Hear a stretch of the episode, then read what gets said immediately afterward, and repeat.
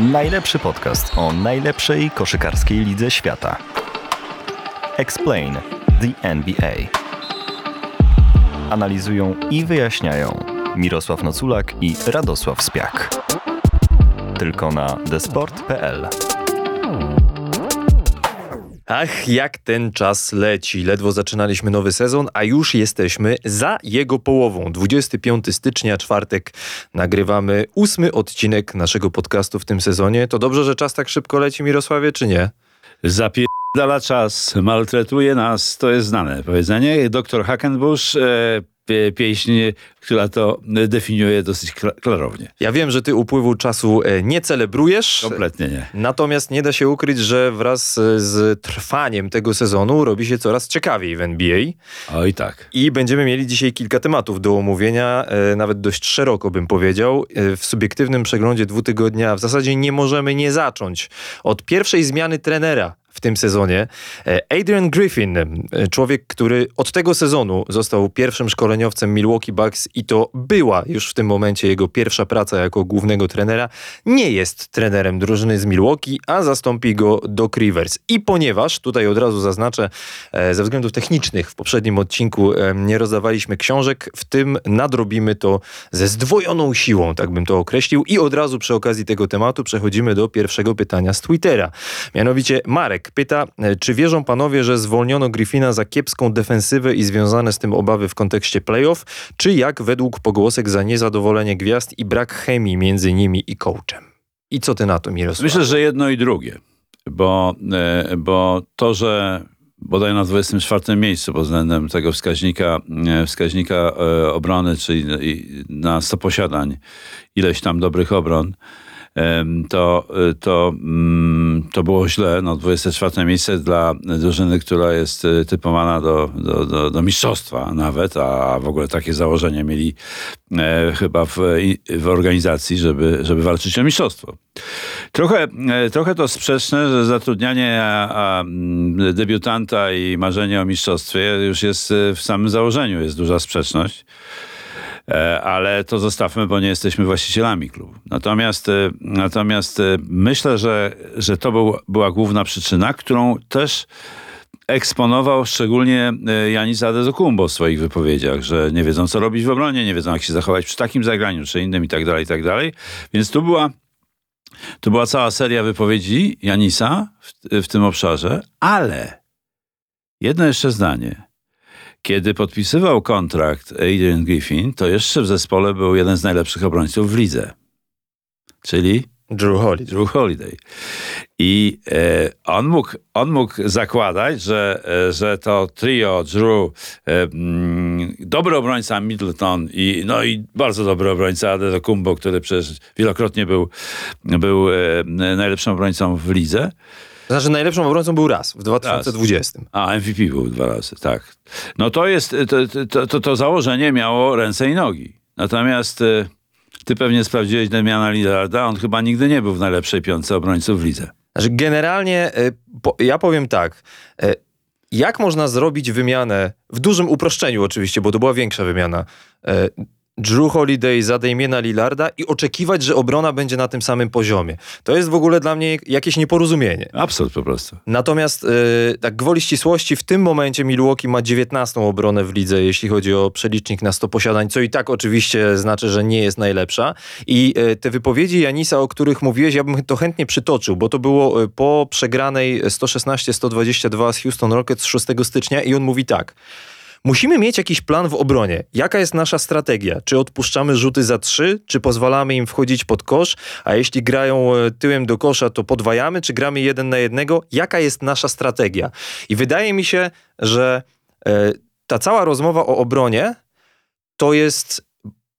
Nawet jeśli to jest prawda, a jestem się w stanie zgodzić, że częściowo jest, to jest bardzo dobra wymówka, gdzie tak naprawdę tym podstawowym problemem jest właśnie ten brak komunikacji i chemii między gwiazdami a trenerem. I tutaj chciałbym zwrócić uwagę na jeszcze jedną, moim zdaniem, bardzo ważną rzecz, o której już rozmawialiśmy w tym sezonie, a która mam wrażenie jest trochę przeoczona przy tej sytuacji. E, Terry Stotts miał być podstawowym asystentem Adriana Griffina I zrezygnował. I, I zrezygnował tuż przed startem sezonu. Po tym, jak według niego Adrian Griffin na jednym z treningów nie najlepiej się do niego zwrócił. Generalnie widać było, że główny trener w stosunku do bardziej doświadczonego e, stażem i wiekiem asystenta, Prowadził samodzielnie kluby. e, Toc, jako główny trener. głównie Portland z Lillardem zresztą, nie najlepiej się odniósł. I to już był taki sygnał ostrzegawczy przed startem sezonu, że, że Adrian Griffin może mieć jakieś tam problemy komunikacyjne i e, tak jak mówię, dla mnie, dla mnie to jest tylko wymówka, że, że Griffina już w tym momencie nie ma. Nie twierdzę, że ten zespół nie ma problemów e, defensywnych, bo ma. Przecież e, całkiem niedawno najgorsza drużyna ligi, czyli Detroit Pistons, rzuciła im 135 punktów. No, Milwaukee wygrało, bo rzuciło tych punktów 141. Natomiast nie jestem pewien, no nie jestem pewien, czego oczekiwano po Adrianie Griffinie i po tym tradzie Lillard za Holiday'a, kiedy teraz e, daje się takie argumenty. Okej, są prawdziwe, ale czego, czego oni się spodziewali? Właśnie to jest, y, to jest dobre pytanie, bo, bo nie, nie, nie siedzimy w głowach właścicieli, a, a, na, a z daleka wygląda to po prostu jak żart. Zwłaszcza, że przypomnijmy, przed tym sezonem zwolniony został Mike Budenholzer, który w przeciągu wcześniejszych pięciu lat, czyli 2018 do 2023, miał najlepszy bilans ze wszystkich trenerów w NBA.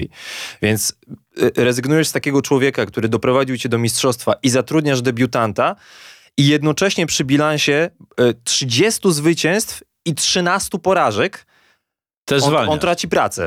Tak. Y, To jest druga dru- drużyna druga na drużyna, wschodzie. właśnie, tak. Od sezonu, kiedy David Blatt był trenerem Cleveland 2015-16 i został zamieniony przez Tyrona Lue, nie było takiej sytuacji, żeby trener z tak dobrym bilansem w trakcie sezonu został zwolniony. Ale tam, a, był król James. a tam był król James i chyba nikt nam nie wmówi, że to nie była decyzja LeBrona Jamesa. Tak jest.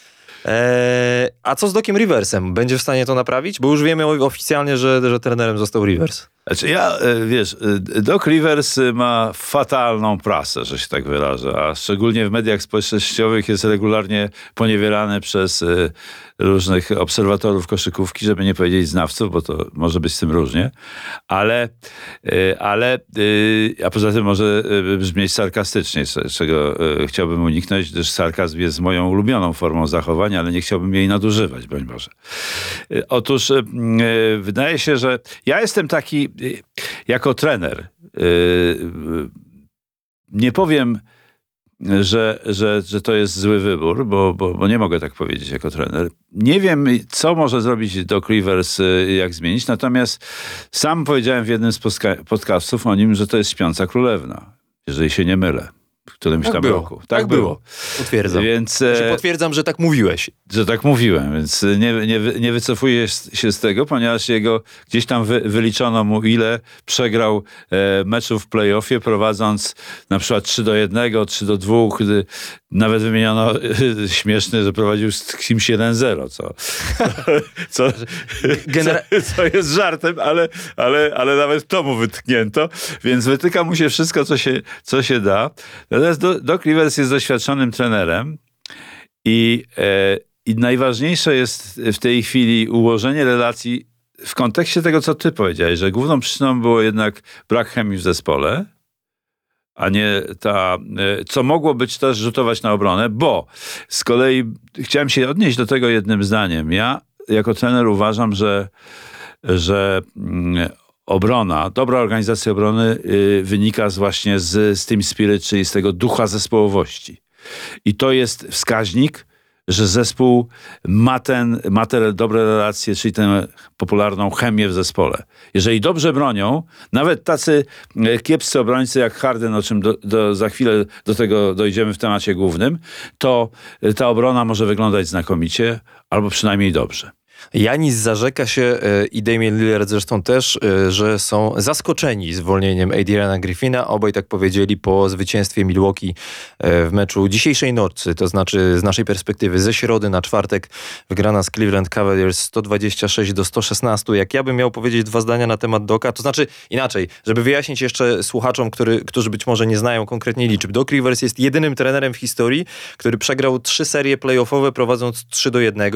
Jest trenerem, który przegrał najwięcej meczów numer 7, czyli 10 konkretnie takich meczów przegrał. I z jednej strony faktycznie ta statystyka mocno świadczy na jego niekorzyść, ale z drugiej strony, ilu trenerów może powiedzieć, że dotarło do 17 meczów numer 7, bo on 7 wygrał, 10 przegrał. Że jeśli ktoś przegrał mecz numer 6, to nie trafia do tej statystyki, z której e, rozliczamy Doka Riversa e, i ona wygląda, faktycznie ma negatywny bilans, natomiast no pokaż mi trenerów, którzy tyle w playoffach osiągnęli, bo on No. tych zwycięstw ma ponad 100. On jest e, poza tym w, w liczbie zwycięstw, jest chyba drugi po Popowiczu w lidze. Czwarty jest, wiesz, w playoffach. Jeśli Ale w chodzi ogóle, o... w ogóle. A w ogóle, Tak. w ogóle. To za, z aktywnych trenerów Tak, z w tym aktywnych momencie, trenerów, w tym tak. momencie to już tak. Myślałem, że mówimy tylko o Nie, playoffach. nie, A jakbym miał powiedzieć tylko, co ma poprawić, to przede wszystkim w obronie właśnie to, jak Bucks grają e, wysokimi zawodnikami, bo Griffin miał taki nowy plan trochę na początku sezonu, na przykład na Bruka Lopeza, żeby on grał bardziej agresywnie w obronie przy pick and rollach, żeby się Double. pokazywał, Bo albo żeby- blitz, albo show, A, albo coś tak, w tym tak, stylu. Tak, żeby podwają, mówiąc y, po polsku. A Milwaukee jednak sukcesy osiągało grając ten e, drop bardziej. I tak samo z Portisem, że w, meczu, w, którym Detroit rzuciło im 135 punktów, było widać, jak Detroit korzysta z tego, że Po- Portis tam wychodzi z dala od kosza, że się pokazuje, że próbuje robić coś więcej. No jestem bardzo ciekawy, co z tego wyjdzie, e, no bo zwolnienie trenera w połowie sezonu e, przy bilansie, podkreślę, 30 wygranych i 13 porażek, e, nie zdarza się na co dzień. Ale to jest jeszcze jedno zdanie na ten temat. To, to, to, to najgorzej świadczy o zarządzie całej tej organizacji. Kropka.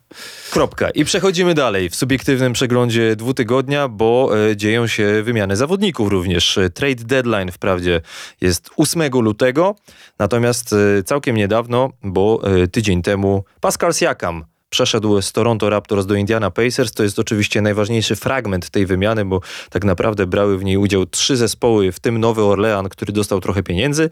Natomiast do Indiany trafił z Toronto Pascal Siakam. E, Bruce Brown w tym momencie już nie jest zawodnikiem Pacers. Twój ulubieniec będzie grał w Kanadzie.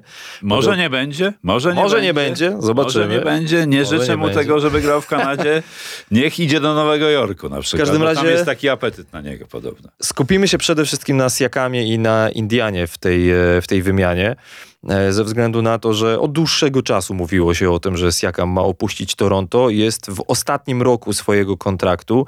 Indiana ma najlepszy atak w NBA, e, to się nie zmienia. Ostatnio gra bez Tyresa Halliburtona i kiedy Siakam trafił już do Indiany, to ta drużyna przegrała trzy mecze z rzędu, ale grając właśnie bez Halliburtona, więc... Raz zagrał. Z Trailblazers zagrał. A przepraszam, tak. Poszedł za faktycznie. wcześnie, zdziwiłem się, bo on miał to, mówiliśmy w poprzednim odcinku, miał naciągnięty e, przy e, ścięgno e, dwugłowego, więc to jest bardzo kontuzja, która się długo leczy, przepraszam. Generalnie trzeba uważać na, na tego typu urazy. Faktycznie on w tym meczu zagrał 35 minut. Obaj, to znaczy i Halliburton i Siakam mieli po 21 punktów.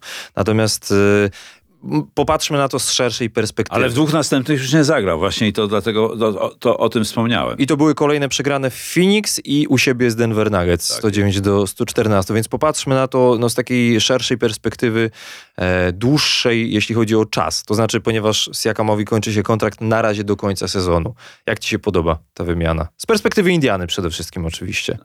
Myśmy mówili o tym, typowaliśmy przed, w, poprzednim odcinku, że Siakam trafi, może trafić do Indiany. Znaczy, mówiłem. Tak mówiłeś, tak mówiłeś i ja też tak powiedziałem, ponieważ znaczy wskazaliśmy, że do, dobrym miejscem byłaby Indiana. Nie mówiliśmy, że tam trafi, bo przecież Tak, skąd my... że, że, powin, że dobrze by było dla Indiany Tak, tak, i tak. dla niego.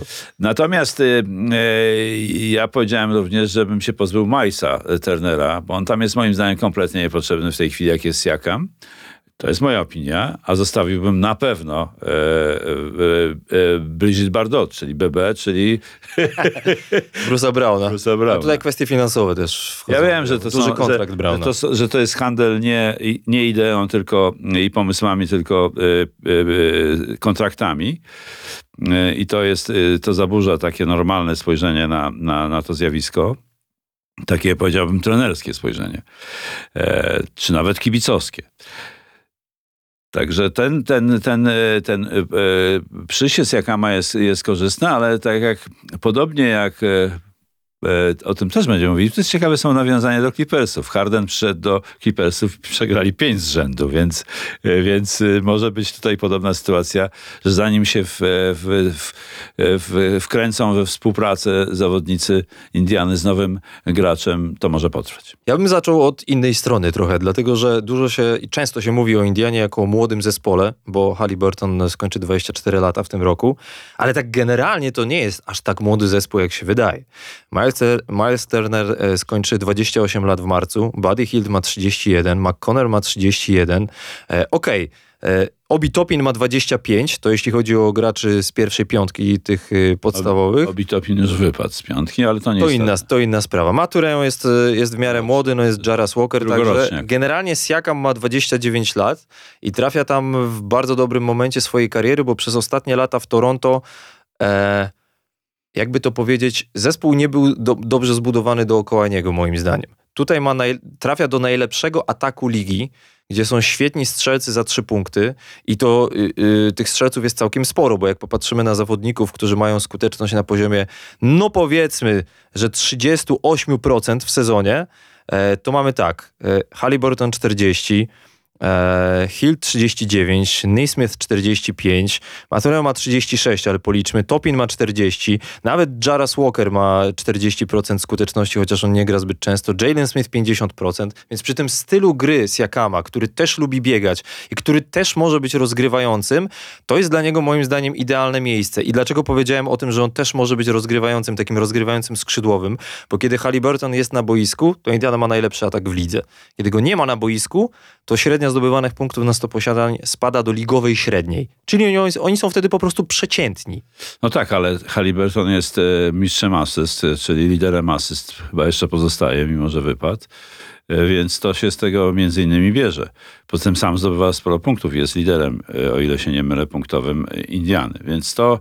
mm, Ale dla mnie najważniejsze jest to w perspektywie te, tego sezonu oczywiście, to jest i w jakim stopniu Rick Carlisle, który zapowiada to od dłuższego czasu, wpłynie na, na to, żeby Indiana lepiej zaczęła bronić. Bo jeżeli oni mają się znaleźć w playoffie w pierwszej szóstce, ty wytypowałeś, że raczej nie, e, ale nawet w playoffach ich nie widzisz, ale jeżeli mieliby się tam znaleźć, Przed wymianą, tak. przed wymianą, tak. E, mieliby się tam znaleźć, to muszą poprawić obronę i często o tym Rick Carli- Carlisle wspomina.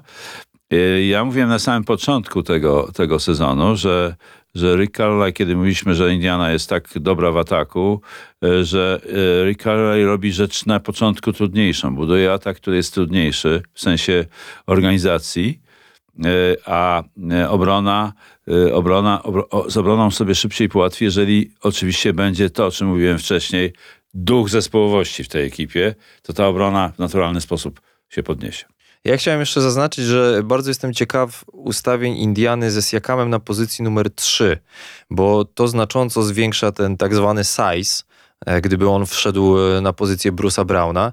I e, zobaczymy, na ile Rick Carlisle Siak- Siakam, Topin i, i, ta, e, i, i Turner. Okej. To mnie, to mnie bardzo interesuje właśnie pod kątem obrony, o tym, o czym powiedziałeś, bo wtedy właśnie te pozycje podkoszowe i skrzydłowe, e, no tego size'u mają zdecydowanie więcej i trzecia rzecz, e, spodziewałbym się też trochę pick and rolli Siakam Turner z Halliburtonem czekającym na podanie i e, uruchamiającym atak właśnie po akcji pick and roll, a nie on jako zaczynający akcję. Czyli gra jakby w trójkącie. Tak. tak, to jest bardzo groźne dla obrony. Zresztą w ogóle Siakam, jak cała Indiana, bardzo lubi biegać i to, co mi się u Halliburtona strasznie podoba, a on jest najlepszym asystującym ligi, średnio ponad 12,5 asysty na mecz, to, że kiedy oni przyspieszają ten atak, to on często od razu pozbywał się piłki. Jak to się zwykło mówić, pchają do przodu, mimo że z pchaniem to ma niewiele wspólnego, no po prostu się piłkę podaje. Ale tak się mówi w koszyku. Ale tak się mówi, więc to nie jest rozgrywający, który kurczowo trzyma się piłki, że musi przejść przez połowę, zagrać, kogoś minąć i wtedy ustawia swoich kolegów. Nie, widzi kogoś z przodu, biegnie ktoś po skrzydle, to od razu mu podaje piłkę.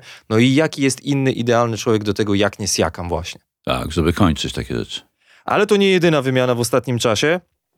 E, W subiektywnym przeglądzie dwutygodnia przenosimy się do Miami.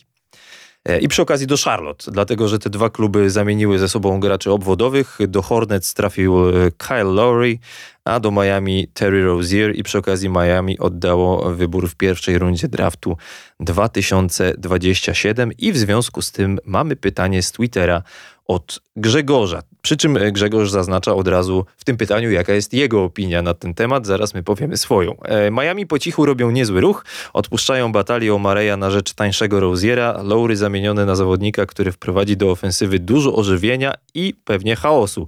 Czy dzięki temu hit znów zobaczymy w finale? Czy ten ruch zmienia coś w układzie sił? Zacznę od końca. Że, że mm, powiedziałem e, w typach jakiś czas temu, w którymś tam odcinku już z tego sezonu, że e, aha, mówiliśmy wtedy o zaskoczeniach. Co może być zaskoczeniem e, w, mm, w drugiej części sezonu. I powiedziałem, że Miami widzę w finale. To jest duże zaskoczenie. To jest bardzo ryzykowna teza, ale ja po prostu wierzę w Erika, w, w Erika z Polsce i jego, jego, jego coaching, mówiąc tak najogólniej, czyli sposób zarządzania kapitałem, który posiada. Gracze, kapitałem graczy oczywiście. I to, e, ten, ten ruch jest, e, ten ruch jest e, dobry, dlatego że, że przy całym szacunku dla Kyla Lowrego to jest on po serii kontuzji jest naprawdę już nie ma takiej energii, nie ma takich, takich no nie jest po prostu zawodnikiem dzisiejszym, mówiąc tak najogólniej, czyli ta motoryka jego jest bardzo na takim poziomie, powiedzmy delikatnie średnim. Natomiast Rozier jest, jest, jest dynamitem. E, I też e, lubi zdobywać punkty, e, lubi kończyć szybki atak, lubi wchodzić pod kosz, więc ma bardzo dużo dobrych cech, które w tym kulturze Miami mogą być dobrze wykorzystane. No i Rozier się w to wpasowuje. Tak, Pod tak, tym właśnie, kątem. tak. E, Ja bym zaczął od tego, że e, mało mówimy o Charlotte i ogólnie mało się mówi o Charlotte, bo e, drużyna jako taka generalnie jest kiepska. No, w tym sezonie, w tym momencie mają bilans 10 wygranych, 32 porażek. Są na trzecim miejscu od końca w konferencji wschodniej. Natomiast jak się tak popatrzy na samego Roziera, to on w sumie po cichu gra najlepszy sezon w karierze. Zwłaszcza, że ma większą rolę, miał większą rolę w sytuacji, kiedy Lamelo. Ball był e, kontuzjowany i wcale to jakoś nie zmniejszyło jego efektywności, mimo tego, że miał większą odpowiedzialność. E, I najlepsze jest to, że e, ma praktycznie takie same statystyki, jeśli chodzi o ten usage rate, o średnią asyst na 100 posiadań i o tak zwane true shooting, co Tyrese Maxey. Praktycznie identyczne liczby.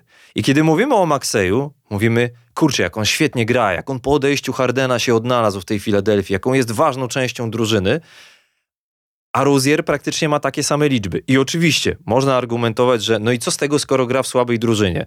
No dobra, ale Tyrese Maxey ma obok siebie Joela Embida I dlatego, przede wszystkim. I dlatego myślę, ma takie dobre osiągnięcia, bo bez Joela było znacznie gorzej w tych meczach, kiedy on był kontuzjowany i nie grał. Między innymi. Dlatego innymi, sobie innymi. wyobrażam sobie, że gdyby zamienić tych dwóch graczy, to y, Philadelphia wcale by nie straciła na jakości, gdyby Terry Rozier był za Tyrese'a Maxeya. I teraz tak, y, jedyne co mam, ym, jedyne wątpliwości, jakie mam e, w, e, z perspektywy Miami w tej wymianie są takie, że e, Rozier będzie często teraz grał z Tylerem Hero na pozycjach 1-2 i oni właśnie w obronie fizycznie mogą troszeczkę odstawać, moim zdaniem. To znaczy, Lowry był silnie zbudowany, e, ale tak jak mówiłeś, z wiekiem już, już troszeczkę. Motoryka siadła, Bardziej mówiąc motoryka, tak, po, tak, tak. kolokwialnie bardzo. Natomiast e, Rozier motorykę ma, Tak. ale nie ma właśnie tego size'u. I nie ma go również Tyler Hero. Więc to jest dla mnie bardzo ciekawe, jak to będzie wyglądało w połączeniu jak w obronie. dołożysz do tego Robinsona, to będzie ciekawie. No, Robinson to już zupełnie inna bajka. E, natomiast e, generalnie Rozier bronił przede wszystkim rozgrywających, e, a Miami często zamienia krycie. To jest ten typ obrony, który stosuje trener Spelstra, że, że tam jest sporo tych switchów. Więc zobaczymy, jak sobie Rozier będzie radził pod tym kątem. Natomiast w Miami e, powinien się odnaleźć też o tyle dobrze, że e, atak, system trenera Spelstra jest tak zbudowany, że on już nie musi, mam na myśli Roziera, że on nie musi mieć tak często piłki w rękach jako rozgrywający, jak to było w Charlotte. Bo piłka często przechodzi przez Butlera jako skrzydłowego i przez Adebayo. E, de facto to on nie jest rozgrywający. De facto nie, no ale Więc, więc ale będzie mu łatwiej. pełnił. To będzie mu łatwiej pełnił. może w tej sytuacji. te role pełnił. Więc bardzo ciekawa wymiana. E, odpowiadając na pytanie, jak to zmienia układ sił, Ja już powiedziałem, co myślę. ale nie, zmie- nie zmieniasz zdania. Nie, ja nie rozumiem. zmieniam zdania, dlatego że ja wierzę w Erika Spelstre i tak jak mnie w ubiegłym roku zaskoczył tym wyjściem gdzieś tam z dołów i doprowadzeniem do finału drużyny, tak liczę na to, że w tym roku przynajmniej do finału konferencji doprowadzi drużynę, bo to jest... No, no nie, no zaraz, zaraz. No, e, to albo zmieniasz na finał. nic nie zmieniam. Okej, czyli finał NBA. Nie, nie, nie, nie mówiłem o finale NBA, mówiłem o finale Okej, konferencji. Okej, okej. Tak. Znaczy, moim zdaniem zmienia trochę. To znaczy, faktycznie Miami zyskuje trochę takiej nowej iskry, troszeczkę nowej energii. E, ale czy zmieni to na tyle, żeby byli w finale konferencji? Mimo wszystko mam wątpliwości. No, ale mają podobny skład y, jak w ubiegłym roku. Y, Odeszło dwóch ważnych graczy, czyli Strus i Vincent, Gabe Vincent, ale, ale no, tam wyszukał już no, następców dla nich. Jaime Hackes junior. Na, na, na przykład, który obecnie chyba już jest, y, nie wiem czy po kontuzji, ale w ostatnich meczach nie grał, bo miał jakiś uraz. W każdym razie e, to jest ciekawe, bo Roziera oddał Boston tak trochę e, W wymianie za Kemba Walkera. tak, z, Parę lat- z- parę lat i, temu. I to, i to, e, to nie przyniosło sukcesu e, Bostonowi, a, a Rozier, Rozier się odnalazł w Charlotte, więc myślę, że odnajdzie się również w, w Miami. A z perspektywy Charlotte tylko dwa zdania dosłownie, bo e, to jest typowy ruch drużyny, która e, będzie chciała zrzucić wysokie kontrakty, dlatego że w tym momencie e, Hornets mają w składzie dwóch zawodników z najwyższymi kontraktami, które się kończą po tym sezonie. To znaczy właśnie Lowry i Gordon Hayward. Gordon Hayward, tak. Hay- Hayward w tym sezonie 31,5 miliona dolarów, więc absolutnie spodziewałbym się kolejnych ruchów. A jeśli nie, no to po prostu tego lata będą mieli dużo pieniędzy do wydania. tak jest. E, tyle, jeśli chodzi o subiektywny przegląd y, dwutygodnia. E, zgodnie z zapowiedzią, jaką widzieliście na Twitterze, lub jeśli nie czytaliście, to nie wiecie, ale Mirosław już nieco o tym powiedział.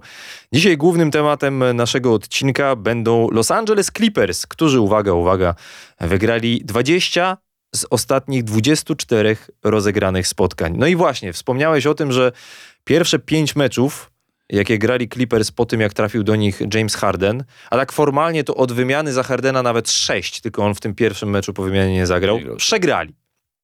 I nawet my w naszym podcaście mówiliśmy, że kiedy James Harden mówi ja jestem systemem, Tak to mówiliśmy? tak Dobra. mówi, on tak mówił, on tak mówił, my to ocenialiśmy. Yy, znaczy ocenialiśmy to, co było widać na boisku, czyli że to nie wygląda. Bo nie wyglądało, faktycznie.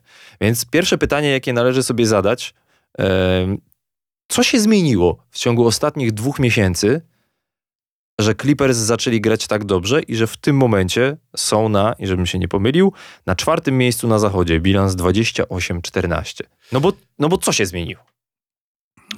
No właśnie to jest, e, jak się zmienił James Harden, może od tego zacznijmy. Że wydaje się, że e, tak z daleka i na tak zwane oko, to schudł. Co zawsze było, e, było e, jakimś problemem i wywołało różne, różne e, jakąś taką memo niemalże grafię Hardena. Także to jest, to jest jedna rzecz. A druga rzecz to jest taka, że jednak trafił do towarzystwa, które należy do czołówki e, zawodników NBA. E, Paul George, czy, czy już nie, No Kawhi. Kawhi Leonard, to w ogóle nie ma o czym mówić. Do tego jest jeszcze raz, raz Westbrook i całkiem dobrze i dobra, głęboka, e, dobry, głęboki skład tej drużyny, więc to jest, to jest dla mnie, to jest zagadka, jak w pewnym sensie, choć odpowiedź na nią jest prosta, te zwycięstwa, jak e, udało się Hardenowi i jego kolegom, a także Tyronowi Lu, skomponować tę ekipę złożoną z takich, e, z takich graczy, którzy... Indywidualność. I dużych, tak, indywidualności i, i graczy, którzy je- jednocześnie mają sporo problemów też takich, że y, nie spełniali oczekiwań w ostatnim czasie, prawda? To, to jest taka, taka, tak, takie obciążenie może nie, nie, nie decydujące, ale jednak po Clippersach zawsze spodziewaliśmy się więcej, a, a w decydujących fazach albo były kontuzje, albo, albo grali słabo. To spróbujmy rozwikłać tę zagadkę, o której powiedziałeś Mirosławie. Ja bym zaczął od jednej strasznie prostej, wręcz banalnej rzeczy, ale myślę, że trzeba ją zaznaczyć. Mianowicie zdrowie. Wszyscy No są tak. zdrowi, po prostu. Tak. To znaczy No w to tym jest- momencie kontuzjowany jest Zubac, on, on nie gra. W pierwszej piątce wychodzą albo jak, tak jak przeciwko Minnesocie Tice, albo tak jak ostatnio Mason Plumlee. Więc zdrowie to jest podstawa. Mówię tutaj głównie w przypadku Lenarda, Georgia, Hardena i Westbrooka, czyli tych czterech, nazwijmy to, najważniejszych zawodników. E, I bez tego ani rusz. E, dlatego, że w ogóle w poprzednim sezonie, przecież pamiętaj, że Clippers, kiedy weszli do playoffów, na początku wygrali z Phoenix Suns i dopiero wtedy Kawhi Leonard doznał kontuzji. Ja miałem wrażenie, że oni wtedy już, jeszcze przed e, Jamesem Hardenem, byli w stanie pograć o coś więcej. Tak. Zresztą byli przecież w finale konferencji, kiedy e, w sezonie, kiedy Milwaukee zdobyło tytuł, przegrali tam wtedy po wyrównanej walce z, z Phoenix Suns, więc zdrowie numer jeden. A numer dwa, e, z, zróżnicowany atak. Bo myślimy o tych zawodnikach, e, powiedzieliśmy zresztą, że, że to są indywidualności i owszem, e, Clippers są drużyną, która gra najwięcej izolacji na mecz ze wszystkich drużyn w NBA.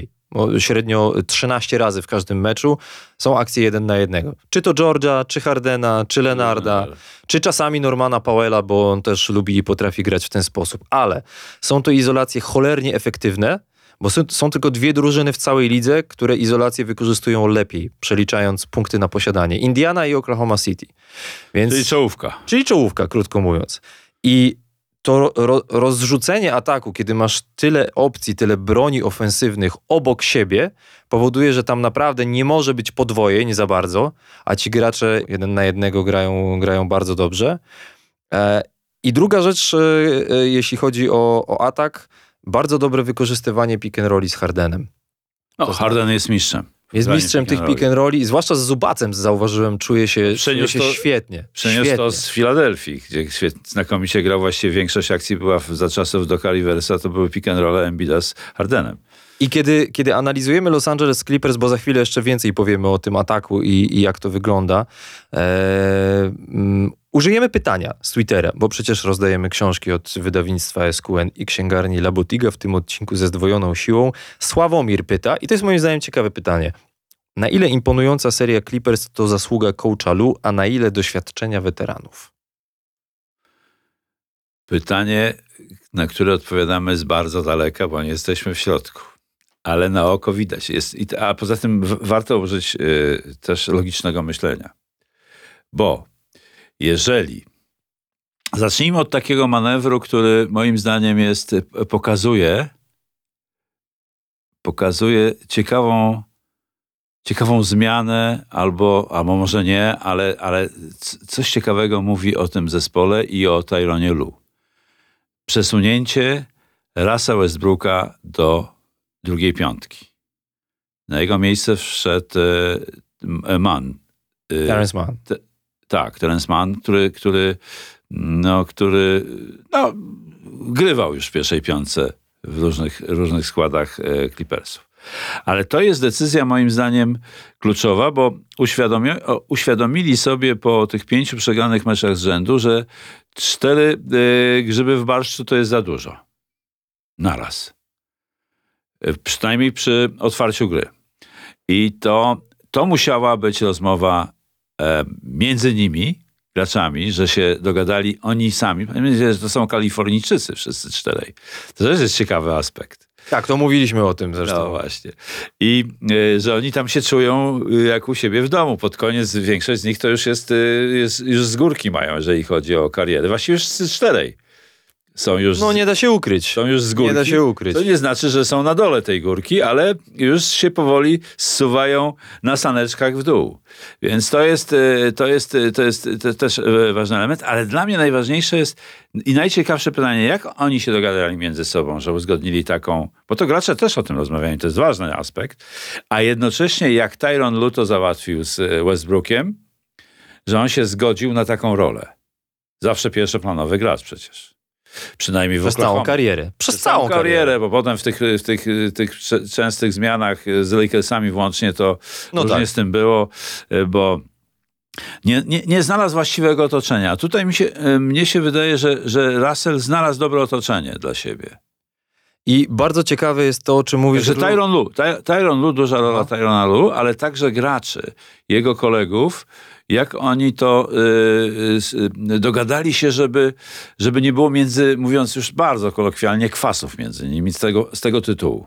Ja myślę, że tutaj Westbrooka trzeba naprawdę pochwalić. Oj tak. Za, e, nawet nie za sam fakt zaakceptowania wchodzenia do gry z ławki rezerwowych, E, chociaż to jest bardzo ciekawe, że akurat od momentu, kiedy zaczął być rezerwowym, Clippers zaczęli wygrywać, bo ostatnia przegrana z Jamesem Har- Hardenem przy tej pierwszej, początkowej serii porażek to był 14 listopada. Westbrook jeszcze wtedy wyszedł w pierwszej piątce w meczu w Denver. Potem był mecz u siebie z Houston Rockets i Westbrook już jako rezerwowy i zaczęła się wtedy seria trzech wygranych z rzędu, czterech w pięciu meczach i tak dalej, i tak dalej. I jak patrzę teraz na Clippers, a oglądałem większość ich ostatnich meczów, to w oczy rzuca się przede wszystkim to, że kiedy Westbrook wchodzi do gry jako rezerwowy i ma obok siebie albo tylko Hardena, albo tylko Georgia, albo tylko Kawaja i czasami się zdarzają ustawienia z, z dwójką z tej trójki, to ma nieprawdopodobnie dużo energii, której mam wrażenie y, czasami w ostatnich latach mu brakowało, kiedy grał tam w Lakers czy w Waszyngtonie. To jest taki stary, dobry Westbrook pod kątem motywowania siebie i kolegów i wnoszenia tej dodatkowej iskry na parkiet, waleczności. Ale tutaj właśnie warto by podkreślić coś, bo e, wiemy, że z, e, z Westbrooka to wielu, wielu obserwatorów czy, czy kibiców sobie żartuje. Szczególnie za ten ostatni, ostatni okres. Natomiast ja bym chciał podkreślić, że to świadczy o mądrości Westbrooka. Taka cecha już doj, dojrzałego mężczyzny prawie.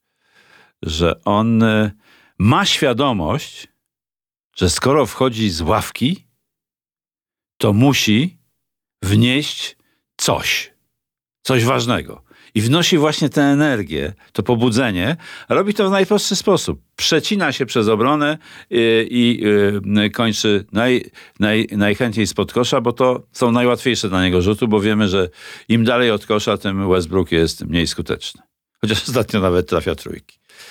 No Także do, ta energia, którą on wnosi, jest y, moim zdaniem kluczowa, że on utrzymuje, wnosząc te, te, te cechy, y, utrzymuje y, Clippers na, na takim poziomie, jak, jakby grali najlepszym składem.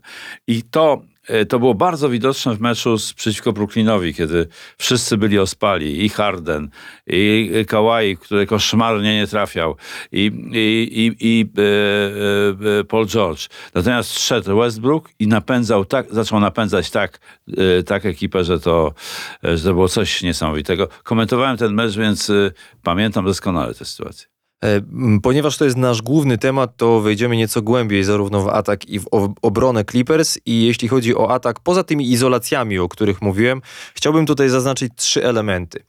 E, Pierwszy jest taki, że bardzo dobrze widzieć Jamesa Hardena jako gracza w akcjach typu złap i rzuć. Że przez kilka lat wcześniejszych, czy to w Filadelfii, czy na Brooklynie, e, tego było po prostu za mało. To znaczy, to jest bardzo dobry strzelec. I owszem, on tam sobie kozłuje między nogami, robi te odskoki, robi te fadeawaye i trafia za trzy z faulem czy nie z faulem, ale przy takim natężeniu graczy ofensywnych, którzy skupiają na sobie uwagę obrony, bardzo fajne jest to, że kiedy on dostaje piłkę na wolnej pozycji, już się nie zastanawia, po prostu już się nie bawi. Skraca czas ataku. To jest, y, to jest, y, mówiliśmy o tym, to jest jeden ze znaków czasu. Także on krócej ma piłkę w rękach, nie ma tyle, nie przetrzymuje ją tak długo. E, Generalnie e, stał się troszeczkę, podkreślam, troszeczkę innym Jamesem Hardenem, w tym znaczeniu, że e, nie bierze tak dużo na siebie. Oczywiście, jak się obejrzy mecz Clippers, to on zagra dwie akcje czy trzy akcje jeden na jednego i sobie rzuci z siódmego metra. E, Natomiast e, też warto zaznaczyć, że trafia. Tak po prostu trafia. No Clippers są najlepszą drużyną w NBA, jeśli chodzi o skuteczność rzutów za trzy punkty. 39%. E, E, się nie mylę. A jeśli chodzi o, a jeśli chodzi o atak, e, tak patrząc całościowo, e, 40 nawet. oni mają powyżej 40. nawet, tak? 40,1 dokładnie mają. Więc jak na statystyki drużynowe, no to jest, y, to jest bardzo dobry wynik. E, A jeśli chodzi o, o zagrywki i, i- to, co stosują często, to ja bym zwrócił uwagę na dwie akcje. Jestem bardzo ciekaw Twoich opinii, bo jak tam oglądałem Clippers, to, to zwracałem na to uwagę. E, Jest taka zagrywka, którą się określa motion strong i to są po prostu stagery, dwa, gdzie dwóch zawodników stawia zasłony dla gracza wychodzącego po piłkę. Od linii końcowej. Od linii końcowej. Ale- Czyli to są. Często od narożnika nawet. No, to mówimy od linii końcowej, czyli, czyli gdzieś tam albo z narożnika, albo po przebiegnięciu z drugiej strony. Tak. Tak, i to są, to są dwie zasłony dla, dla gracza wychodzącego po piłkę. I to otwiera bardzo dużo możliwości w zależności od tego, kto podaje, a kto stawia zasłony. I, kto, I warto zwrócić uwagę na to, że to nie zawsze Harden podaje, że czasami to on wychodzi po zasłonie, albo czasami e, to nawet on stawia zasłonę.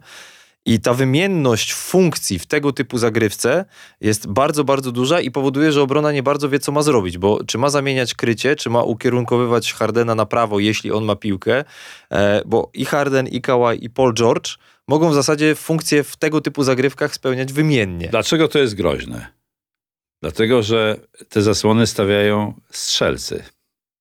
Otóż to. I wychodzi z tej zasłony to jest strzelec, więc to jest dla obrony masakra. Bo po takim, po takim e, stagerze, czyli tej dwusekwencyjnej zasłonie, jednej po drugiej, może być jeszcze dodatkowo, jeżeli piłkę będzie miał na przykład Plumlee lub e, e, Zubac. Zubac, może być jeszcze handoff, czyli przekazanie piłki z ręki do ręki, albo ten blik słynny, że, że, że, że, że, że Blik, blik, blikiem to płacimy. Tak, E, Blitz. blitz, przepraszam, że, że e, ale też jest blik. Blik też. Też jest koszykówka. Ale nie płacą nam za reklamę, więc... Ale jest, ale jest koszykówce również blik. Występuje Tezjewski, ale to na, tak na marginesie. Że idzie kozłem y, Zubac w, w kierunku wychodzącego ze stagerów i to jest takie zamieszanie dla obrony. I, i jest przekazanie, już nie jest tak dokładnie z ręki do ręki, tylko trochę z takim krótkim podaniem i potem może będzie albo wejście, albo rolowanie, albo przerzucenie do rogu jednego z tych, którzy stawiali zasłonę, czyli Pola George'a czy, czy Kawhi.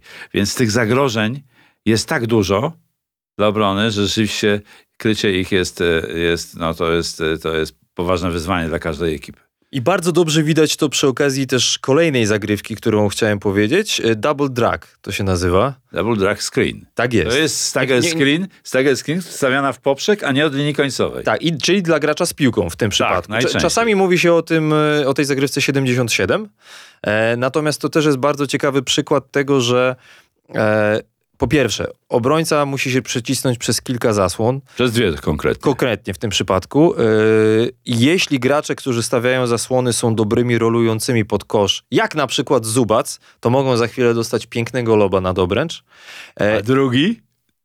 a drugi może wyjść do rzutu za trzy na przykład, Czyli ten pierwszy. czyli ten pierwszy. Tak jest. E, I do Tego? To nieźle zamieszaliśmy teraz. I do tego jeszcze, no właśnie, to jest, to jest podcast, ale mamy nadzieję, że to sobie Tak. Działa wyobrażacie. na wyobraźnię, działa na wyobraźnię. Rozwi- rozwijamy wyobraźnię. Tak, niechcący I trochę. trzecia rzecz, jeśli zawodnicy, yy, zawodnik obrony yy, broniący gracza z piłką przechodzi pod zasłoną, czy pod zasłonami w tym przypadku, To już jest, kap- to jest już kaplica. no bo to Tak. jest kolejna pozycja do rzutu za trzy i po raz kolejny możemy powtórzyć to, co powiedzieliśmy przed chwilą. To nie ma znaczenia, czy to jest Harden, czy Kawhi, czy George. Tak jest, każdy- Wszyscy, wszyscy grożą tym samym. Czy Norman Powell, każdy z nich może to zrobić. Powell również. No, więc te, te opcje ofensywne w drużynie Clippers są e, mm, szerokie. Tak bym to po prostu określił. E, najważniejsze jest tylko to, żeby było zdrowie. I druga rzecz. E, obrona. Bo tak sobie, bo oczywiście za atak Clippers trzeba chwalić. Obrona, jak tak się popatrzy całościowo na ten sezon, nawet nie wygląda źle pod tym kątem, że w przeliczeniu na 100 posiadań jest 14 w Tak, lidze. połowie mniej więcej. Dramatu nie ma, ale tutaj musi być jakieś ale. E, po tym meczu przeciwko Brooklynowi, o, O, którym wspominałeś, Właśnie, właśnie. dzień po, ten mecz, o którym mówiłeś, był w niedzielę i on był o 12.30 czasu Los Angeles. I w środku dnia nikt tego nie lubi. E, Pewnie dlatego część graczy była ospałych, no ale od, czego jest właśnie Russell Westbrook. E, Natomiast dzień po, czyli w poniedziałek, e, Tyron Lu zwołał e, trening. Rzadko to się odbywa, zwłaszcza dzień po meczu, e, a to było dzień przed meczem z Los Angeles Lakers, czyli teoretycznie powinien być to dzień odpoczynku, a mimo wszystko szkoleniowiec zwołał trening. E, A, uzasadnione, wejdę ci słowo. Na No. miejscu nie musieli podróżować, to może, to też. może to zrobić bez, bez, bez problemu. To też. I, i zaznaczał, ale co zaznaczał? E, że nasz sposób obrony, głównie blitz, czyli to podwajanie przy zasłonie dla gracza z piłką, słaba aktywność, złe rotacje, musieliśmy nad tym popracować. Jeśli będziemy przychodzili dziennie na 30 minut, 30 minut podkreślam, nie żaden 2,5 godzinny trening, na 30 minut, żeby poprawić to, co robimy źle, to wtedy będziemy szybko jeszcze wyżej. I e, żeby potwierdzić to liczbami, jak często robię, w pierwszych 20 meczach sezonu, gdzie mieli bilans 10-10, tracili średnio 110 punktów na 100 posiadań, a w kolejnych 21 meczach, mimo że teraz mają zdecydowanie lepszy bilans, tracą 117,5 punktu na 100 posiadań. Czyli mimo tego, że wyniki są coraz lepsze, to obrona jest jest coraz gorsza. Mhm. Paradoks? Paradoks. Ale y, to jest właśnie, y, to jest też, y, to jest właśnie ta dialektyka e, koszykówki, czyli, czyli y, wojna obrony i ataku. Jeżeli, y, jeżeli y, dobrze idzie w ataku, to się też często tak mówi, że jeżeli idzie dobrze w ataku, to, to, to poprawia się obrona. To akurat te liczby mówią o czymś innym. Albo, że z dobrej obrony wynika, co częściej się zdarza, z dobrej obrony wynika bardzo dobry atak. Natomiast ta sytuacja może wynikać z tego, że oni jednak mają, nie mają takich e, super obrońców, szczególnie Harden, prawda? Natomiast chciałem podkreślić, że tak broniącego Hardena, jak w ostatnich 4 czy 5 minutach przeciwko Brooklynowi, kiedy przegrywali przez cały mecz z Brooklynem, tak broniącego Hardena nie widziałem. I to myślę, że był, gdybym, gdybym ja był trenerem Los Angeles e, Clippers, to bym ten trening e, zwołał pod dedykacją James Harden obrońca. Jakim ty jesteś świetnym James, jakim ty jesteś świetnym obrońcą. Nie wiedziałeś tego do dzisiaj. A patrz, jak potrafisz świetnie bronić. Ciągniemy ten temat do końca sezonu i tak dalej. Więc tutaj, yy, tutaj yy, był, był to przykład, jakie możliwości w obronie ma, e, ma, mają Clippers. Ten, te ostatnie pięć minut, kiedy zrobili, e, jak to teraz się ładnie mówi, run, czyli przebieg 20, 22 do 0. Tak, tak. To był, to, to był ten mecz przeciwko Brooklynowi. Natomiast e, jest to imponujące i to, co zagrali pod koniec w obronie, ale rzeczywistość też, też jest taka, że przez e, 30 minut tego meczu to w obronie sobie jednak trochę człapali. No tam Brooklyn przez nie robi, w ogóle nie 3,5 grali, kwarty rzucało z 55% skutecznością z gry, 40% za 3 i przez, podkreślam, przez 3,5 kwarty tego meczu miał 125 punktów na 100 posiadań w przeliczeniu, więc ta obrona praktycznie nie istniała. I jak Kawhi Leonard podpisywał e, przedłużenie kontraktu z Clippers jeszcze o kolejne sezony, e, to e, Lawrence Frank, który jest asystentem Tyrona Lu, zaznaczał, że w niektórych kwartach, w niektórych meczach, to bardzo fajnie brzmi, w niektórych kwartach, w niektórych meczach pokazywaliśmy przebłyski tego, i tak bardzo mocno owija w bawełnę, że możemy być e, zespołem grającym na bardzo, bardzo wysokim poziomie w obronie. To musi być nasz znak firmowy, że skupiamy się przede wszystkim na tym. Oczywiście mamy bardzo dużo ofensywnego tego firepower, czyli siły powiedzmy i to wykorzystujemy, Natomiast nasze e, defensywne nawyki powinny nas pociągnąć jeszcze wyżej. Strasznie mi się podoba, jak to była tak ładnie owiną w bawełnę, że w sumie to nie jesteśmy tak źli w obronie, ale trochę jednak jesteśmy. No tak, i to jest, y, to jest, to jest element, który, mm, który jeżeli podniosą do, do codzie- te- ten właśnie ten poziom obrony z końcówki meczu z Clippersami do codziennego grania, szczególnie w playoffach, to mogą być wysoko. Ja wytypowałem ich, jak pamiętasz, w niespodziankach na zachodzie do finału, też do finału konferencji. Mała, A niektórzy już mówią o mistrzostwie. Tam mówią, że to oni są w stanie w tym składzie zdobyć mistrzostwo. ale wiesz co, ale, ale, a nie A są? dlaczego nie? Właśnie, Są, dlaczego są. nie? Są. Tylko, tylko zdrowie. M- Tak. Mimo wszystko. No to jest kluczowe, kluczowe zastrzeżenie, tak? To wszyscy podkreślają, że jak, jak wytrzymają zdrowotnie, no bo każdy z tych, yy, z tej trójki, bo Westbrook yy, jednak jest pod tym względem mniej, mniej, mniej ma problemów zdrowotnych, ale i Harden, a szczególnie Kawhi i, i Paul George to są ludzie, którzy często w poprzednich sezonach odpoczywali, a Kawhi nie grał całego sezonu. Przecież dwa, trzy sezony temu. No i będzie, będziemy o tym mówili, yy, podkreślali to zdrowie również dlatego, że wszystko fajnie. Fajnie, że wygrali 20 z 24 ostatnich meczów, ale jest styczeń.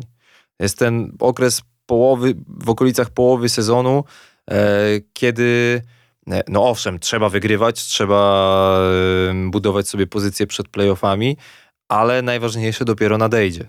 O tak, E, tak. I przy okazji mała korekta z mojej strony, Lorenz Frank jest, Jest, e, dyrektorem dyre- sportowym. dyrektorem sportowym. Asystent. ci- Właśnie tak coś mi, chciałem ci- tak potem pomyślałem, mówię nie, nie. Chodzić słowo, ale myślę, że może zmienił e, w międzyczasie, zmienił, jak to się mówi ładnie w międzyczasie, zmienił e, pozycję z, z wyższej na niższą. Mówiliśmy o e, Adrianie Griffinie i o asystencie Terym Stocie, jakoś mi ten asystent został w głowie, po prostu, że tamten był bardziej doświadczony, tutaj, że Lorenz Frank też był głównym trenerem, ale nie, on jest oczywiście dyrektorem sportowym. Więc pewnie dlatego również trochę tak dyplomatycznie powiedział o, o zawodnikach, tak. których formalnie nie trenuje. No, jest, momencie. jest e, przedstawicielem establishmentu e, z Clippers. Także mowa trawa. Mo- możemy też tak to określić. Mowa jak trawa obowiązuje wtedy. Jak najbardziej, dlaczego nie? E, także polecamy wam pooglądać trochę Los Angeles Clippers również e, pod tym kątem, o którym właśnie opowiedzieliśmy przez e, dobre ponad 20 minut. E, I zostaje nam jeszcze jeden segment e, naszego podcastu, a w zasadzie dwa segmenty, to znaczy takie połączone trochę. Bo zastanawialiśmy się, o czym jeszcze dzisiaj poro, porozmawiać na koniec i e, wykorzystamy wasze podpowiedzi. To znaczy, ponieważ dwa tygodnie temu nie rozdawaliśmy książek, ale pytania też się pojawiły, wykorzystamy jedno pytanie właśnie z e, poprzedniego odcinka, dlatego że Kociewski Sport pyta, e, jaką koszykówkę panowie lepiej wam się oglądało? Ten z lat 90. z twardą defensywą, czy obecną ultraofensywną? I jestem przekonany, Mirosławie, że bardzo chcesz się na ten temat wypowiedzieć, więc pozwolę ci jako pierwszemu. Jasne, ja zawsze podkreślam jedno, że mnie najbardziej, mnie najbardziej, najbardziej interesuje teraz i to, co jest teraz i to, co będzie za chwilę. Także nie wracam do, do historii i nie zachwycam się, e, nie zachwycam się tymi, e, tymi wielkimi nazwiskami, które, które tworzyły koszykówkę. Oczywiście bardzo duży szacunek, czy szacun, mówiąc tak bardziej e, w jazzowym slangu to, to jednak e, dzisiejsza koszykówka mi bardziej odpowiada i to, co się dzieje w dzisiejszej koszykówce i to, o czym mówiliśmy wcześniej, ta ogromna przewaga ataku e, w poprzednim odcinku, dosyć szeroko o tym mówiliśmy, przewaga ataku nad obroną jest widoczna i to niektórym się nie podoba, że nie, nie ma tej obrony. Że, nie, że, że niby nie ma tej obrony, że niby nie ma tej obrony, bo to też podkreślaliśmy. Mnie się, mnie się mówiąc krótko, bardziej podoba dzisiejsza koszykówka niż niegdysiejsza. I te, e, natomiast nie podoba mi się sędziowanie w dzisiejszej koszykówce, które jest, e, no, już też mówiliśmy nieraz na ten temat, że przy tych wymogach, które stawia dzisiejsza koszykówka, szybkości rozgrywania akcji, e, mnogości, wszechstronności i umiejętności graczy w ataku, powoduje, że, że obrońcy są w dużo trudniejszej sytuacji i często sędziowie, e, często sędziowie e, no, odgwizują przewinienia w obronie, dlatego że zawodnicy się spóźniają i nadrabiają to różnymi sztuczkami, które mają, mają to jakoś zredukować. E, I tak, taka jest moja krótka ocena tej, tej sytuacji. Super atak przeciwko dobrej albo bardzo dobrej obronie nadal, ale nie tak wyeksponowanej jak niegdyś. To ja tylko jeden e, wtrąd a propos sędziów. E, Ostatnie dwie minuty meczu e, Timberwolves Hornets. E, z tego last two minutes report, czyli e, analizy ostatnich dwóch minut wynika, że sędziowie popełnili 10 błędów w ostatnich dwóch minutach. No i też... I e, Timberwolves przegrali ten mecz. I Portland tak, y, bo y, Hornets odrobili 18 punktów straty i wygrali 128-125. No i też Portland Trailblazers e, Protest protestują tak. przeciwko przegranej e, z Oklahoma City Thunder, bo tam Chauncey Billups został wyrzucony za dwa przewinienia techniczne, jedno po drugim, kiedy prosił o timeout, a sędziowie, a konkretnie sędzia, przy którym stał, e, mu go nie przyznał. Chociaż tutaj akurat mm, ja jestem w stanie troszeczkę sędziego pobronić, no bo, bo mógł nie słyszeć, nie widzieć, nie, nie patrzył w tym kierunku, jak widać na, na powtórkach. Ale okej, ten temat zostawmy, chcę, Tak. chcę odpowiedzieć na pytanie. E, I odpowiem w trochę inny sposób. Bardzo. Jestem bardzo ciekawy e, twojej analizy, dlatego że ja muszę się przyznać, że gdzieś tak w 2016 roku po mistrzostwie Cleveland przez dwa sezony troszeczkę mniej oglądałem NBA. Byłem po prostu znużony. Inna sprawa, że te sezony były, powiedzmy sobie wprost, dość nudne, bo i tak było wiadomo, że w finale znajdą się Golden State i Cleveland i w zasadzie i tak było wiadomo, że Golden State wygra i tak się właśnie stało dwa razy. E, I wtedy nastąpiła ta ofensywna eksplozja właśnie, kiedy nagle wyniki do przerwy były typu 75 do 70, a drużyny zdobywały po 140 punktów. I ja miałem takie wrażenie, że nie no, kurczę, przesada. Z czego to wynika? W sensie chyba, chyba nie bronią w tej NBA. Nie oglądałem wtedy za dużo meczów. Ale Włączyłem sobie potem w internecie, bo oczywiście można to znaleźć w internecie, w całości stare mecze z lat 90. I muszę przyznać, że po części, po części tego się nie da oglądać. Mam na myśli płynność ataku. E, bo to, że jest twarda obrona, okej, jestem w stanie się z tym w większości zgodzić, tylko że ta twarda obrona wynikała również z przepisów, Oczywiście. które były dozwolone, jak chociażby hand checking. I by obrona oburączy grającego gracza tyłem do kosza. Tak. E, w związku z czym ten, ten rozwój ataku, i tutaj raz jeszcze odsyłamy do naszego poprzedniego odcinka, gdzie mówiliśmy o tym dużo, e, e, był możliwy, jest możliwy również dzięki zmianom przepisu. A illegal defense też miał, w- miał wpływ na, na, na, na to, na atak, że ten atak był ograniczany przez był ograniczany przez przepisy niedozwolonej obrony, dosłownie tłumacząc, e, która dopiero została zmieniona bodaj w roku 2000, czy tam jakoś tak. E, I, I do czego dążę, mówiąc to? E, Nawet jak sobie włączyłem finały Chicago-Seattle z 96, to oczywiście czuć było też, że no fantastyczna jest ta gra, ale tak czysto taktycznie atak, no momentami bardzo trudno się to oglądało.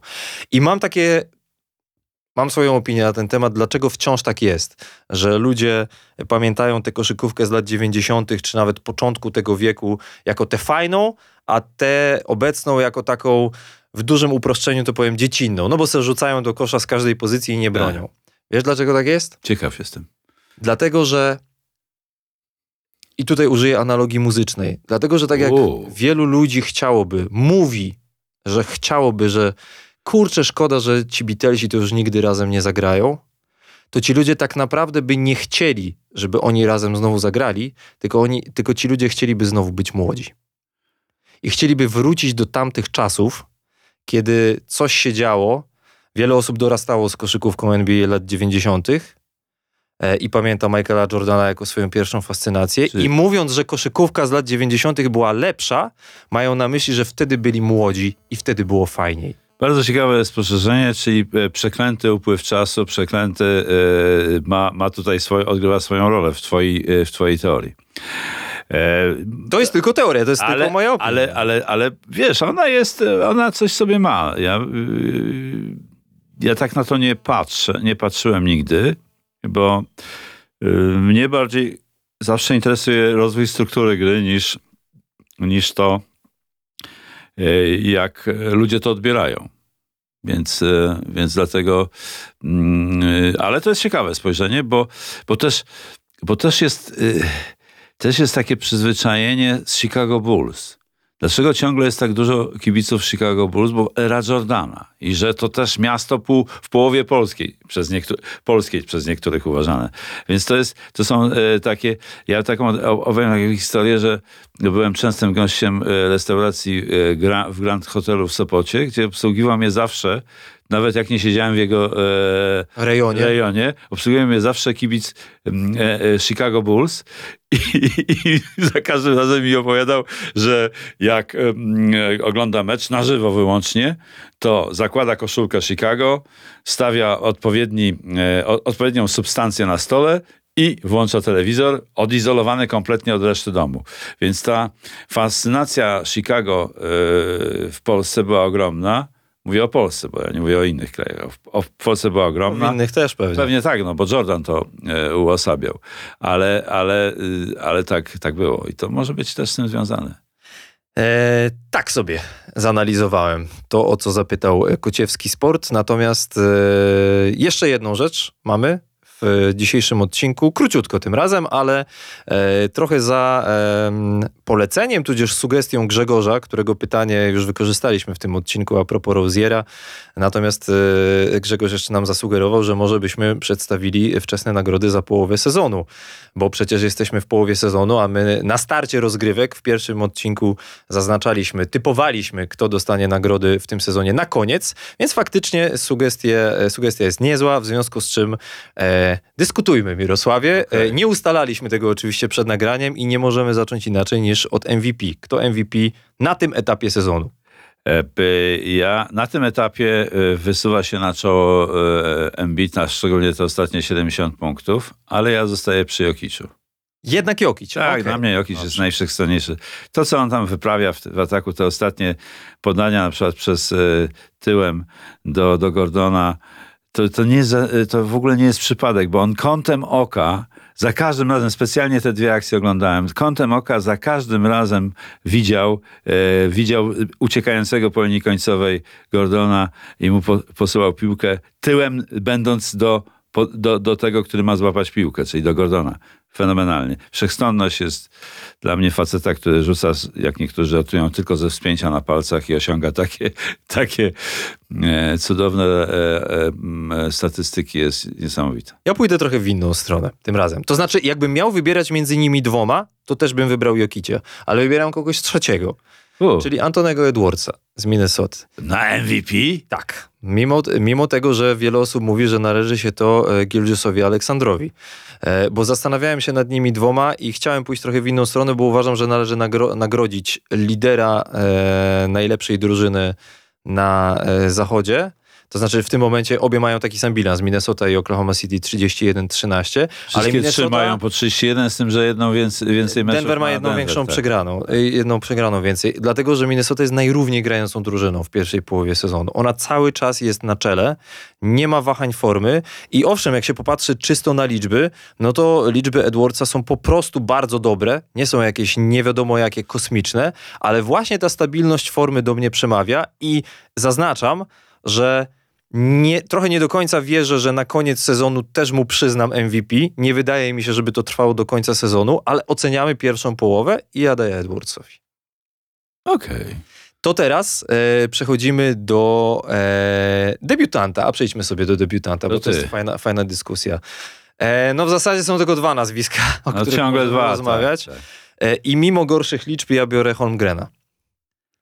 Bierzesz Holmgrena, bo, y, bo Holmgren, ja tak sobie to teraz analizujesz króciutko, bo Holmgren y, y, jest w zespole, który odgrywa ważną rolę w tej chwili w lidze i on odgrywa też ważną rolę w tym zespole.